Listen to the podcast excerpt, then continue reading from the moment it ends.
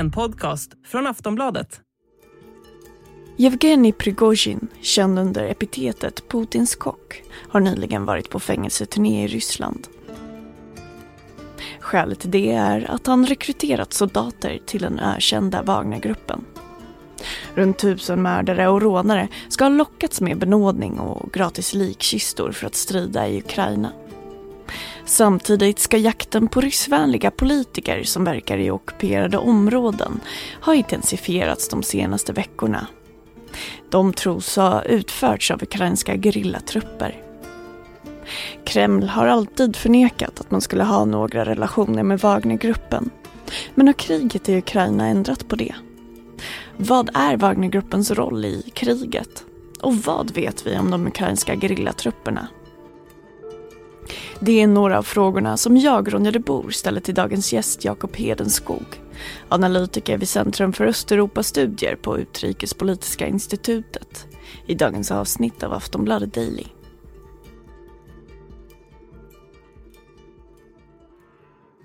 Hej Jakob och välkommen till Aftonbladet Daily. Tack så mycket. Vad är Wagnergruppen för något? Ja, Wagnergruppen brukar beskrivas i västländsk media som ett privat militärt företag men eh, det är egentligen en paramilitär organisation eller ett specialförband skulle man kunna säga inom den ryska militära underrättelseorganisationen GRU. Eh, Wagnergruppen opererar i konflikter där Ryssland tagit parti för ändra sidan men inte eh, vill så att säga agera öppet. Och de, de agerar till stöd för ryska utrikespolitiska mål. Det är så officiellt eh, i Ryssland så finns inte gruppen eh, därför att eh, eh privata militära företag är inte lagligt i Ryssland men, men gruppen existerar ju liksom då i, i det fördolda och man förnekas officiellt att man har något samröre med den. Grundaren Dmitrij Utkin eh, och grundare och befälhavare, han veteran från Tjetjenienkriget och han har också varit officer inom GRU. Eh, Wagner är hans eh, krigsnamn så att säga. Eh, Wagnergruppen är inte ideologiskt driven men det finns flera länkar till högerextrema och nazistiska organisationer och Utkin själv har tyska SS-organisationens symbol tatuerad på axlarna och, och den nazistiska örnen på, tatuerad på bröstet. Så att det, det finns sådana kopplingar även om den inte är ideologiskt driven som sagt. Eh, Wagnergruppen finansieras av eh, Evgenij Prigozjin, en, en oligark från Sankt Petersburg som är också bland annat ägare av den så kallade trollfabriken i Sankt Petersburg och han brukar kallas för Putins kock för han har, eh, har företag inom cateringbranschen som har levererat mat till Kreml och han har också andra företag inom råvaruutvinning som han, som han äger.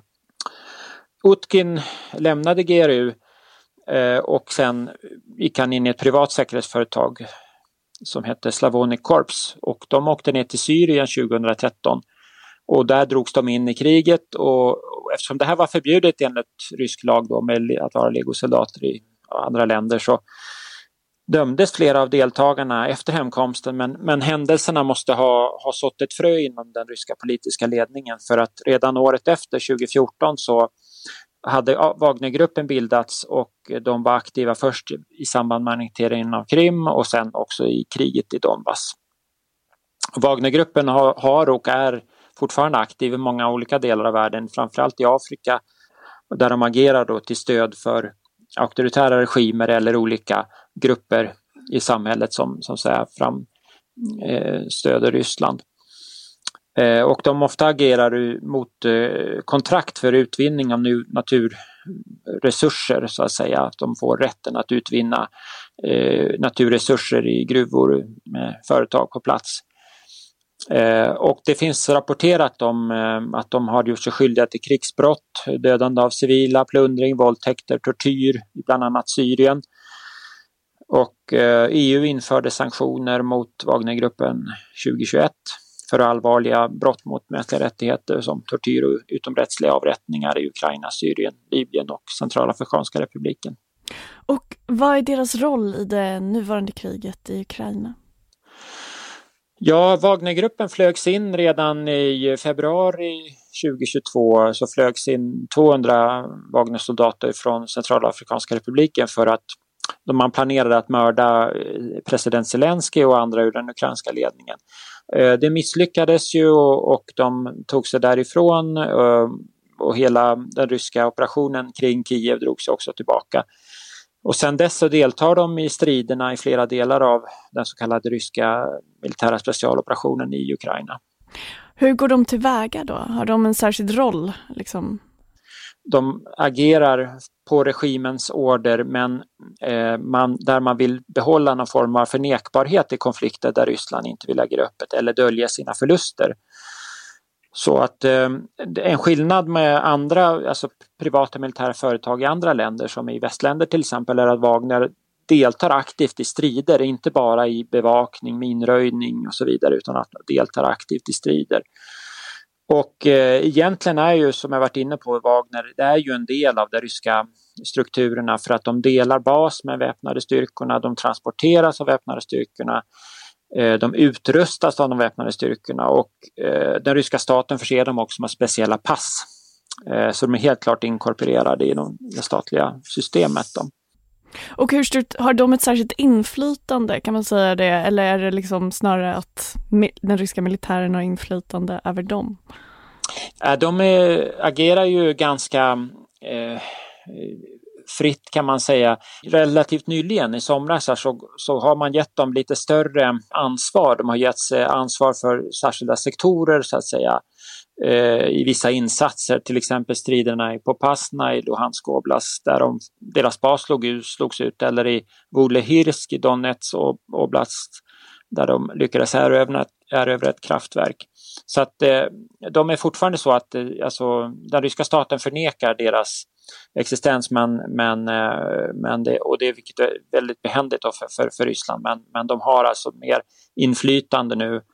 Eh, och eh, de har också använts då för att rekrytera ehm, eh, nya soldater till den ryska operationen då, till exempel genom att rekrytera i fängelser bland fångar i Ryssland och i Donbass. Och man har till och med Prigozjin själv, alltså oligarken som finansierar Wagner, har varit och argumenterat då för att få helst mördare eh, att engagera sig då. De har lovats pengar och frigivning om det krigar i sex månader och det får vi väl se hur det blir med den saken. Hur många stridande finns då i Wagnergruppen och hur många av dem finns i Ukraina? Eh, antalet varierar väldigt mycket beroende på operation och över tiden. Eh, den undersökande organisationen Bellingcat uppger att det ska finnas, eller har, har varit engagerade 8000 Wagnersoldater i kriget i Ukraina och, men att 3000 av dem har dödats så att de har eh, lidit stora förluster eh, i, i kriget så långt. Och ja, Kreml har tidigare, eller fram tills nu, förnekat alla, några som helst relationer med Wagnergrupper. Har kriget i Ukraina förändrat den officiella hållningen till gruppen? Nej, det har det inte, utan man fortsätter att förneka samröre med, med Wagnergruppen eller att, man, att de agerar efter den ryska statens eh, order, då, vilket är behändigt för, för den ryska politiska ledningen. Men, men eh, Utkin är ju, han är alltså diplomerad för sina insatser. Han har fått pris av, eh, av Putin och både Prigozjin och Utkin har träffat Putin. Eh, de kanske inte står honom jättenära men i alla fall det finns sådana såna förbindelser och möten mellan dem. Aftonbladet Daily är strax tillbaka.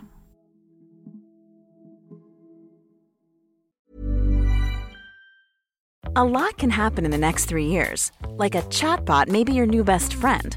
But what won't change? Needing health insurance. United Healthcare Tri Term Medical Plans are available for these changing times. Underwritten by Golden Rule Insurance Company, they offer budget friendly, flexible coverage for people who are in between jobs or missed open enrollment. The plans last nearly three years in some states, with access to a nationwide network of doctors and hospitals. So, for whatever tomorrow brings, United Healthcare Tri Term Medical Plans may be for you. Learn more at uh1.com.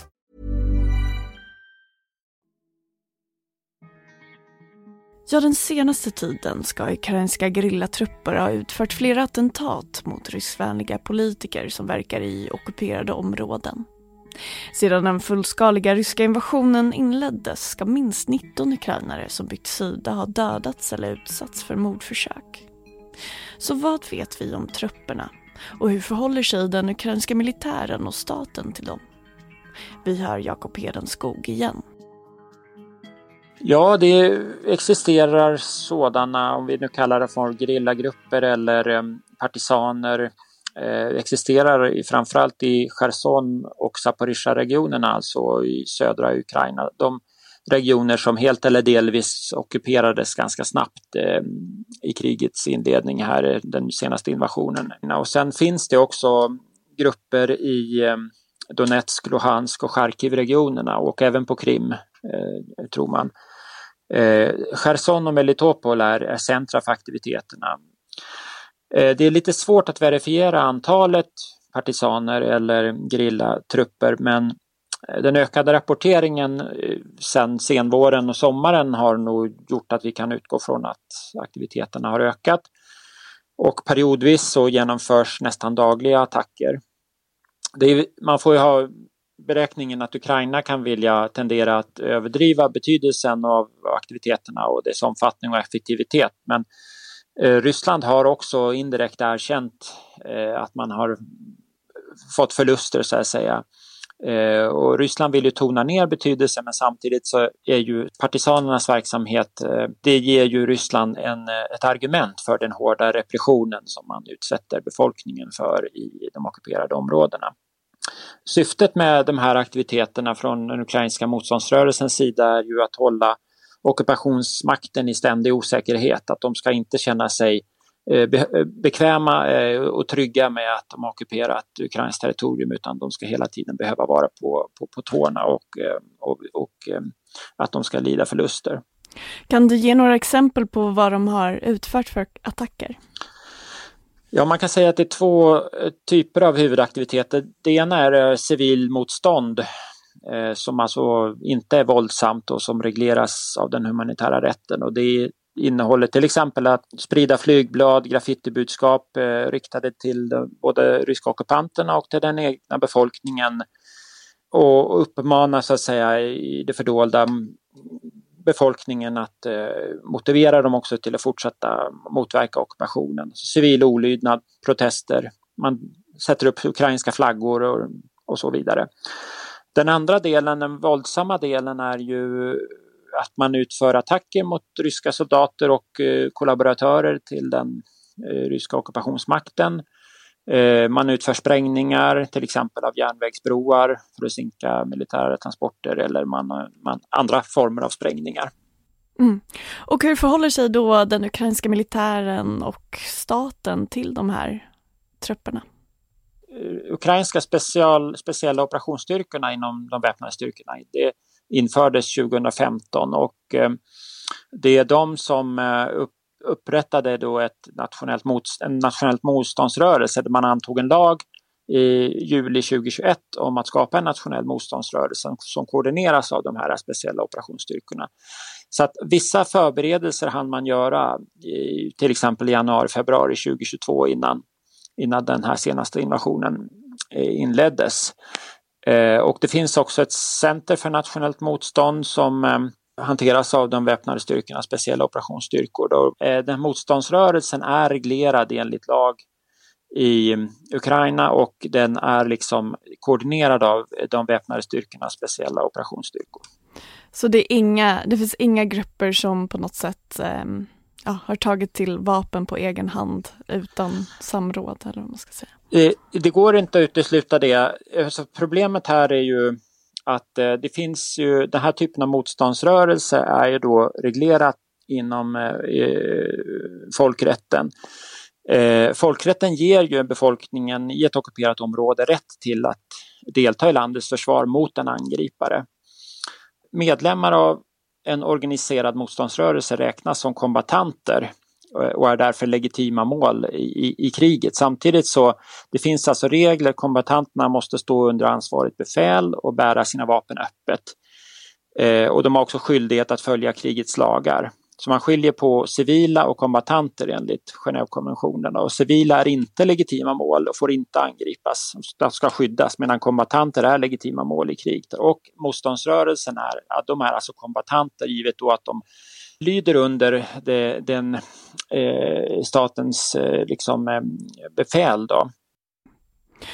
Och för då den här typen av gerillakrigföring, om man kan kalla det så, eh, med sig några särskilda risker i kriget? Ja, det kan man väl säga. Det, alltså riskerna naturligtvis för sådana här friendly fire, att, eh, att eh, ukrainska trupper beskjuter sina egna som opererar i samma område kan man säga som de fientliga trupperna. Samtidigt är ju att det finns ju då dokumenterat också alltså samarbete mellan de väpnade styrkorna och motståndsrörelsen på marken. Det att säga att eh, motståndsrörelsen eh, identifierar koordinatorer för eh, fientliga förband som kan nedkämpas med indirekt eld då, till exempel. Så att det, det, är ju både och att det finns kanske både risker och fördelar så att säga med att ha en motståndsrörelse på ockuperat territorium. Det säger Jakob Hedenskog, analytiker vid Centrum för Östeuropastudier på Utrikespolitiska institutet. Du har lyssnat på ett avsnitt av Aftonbladet Daily och mitt namn är Ronja de Bor. Vi hörs.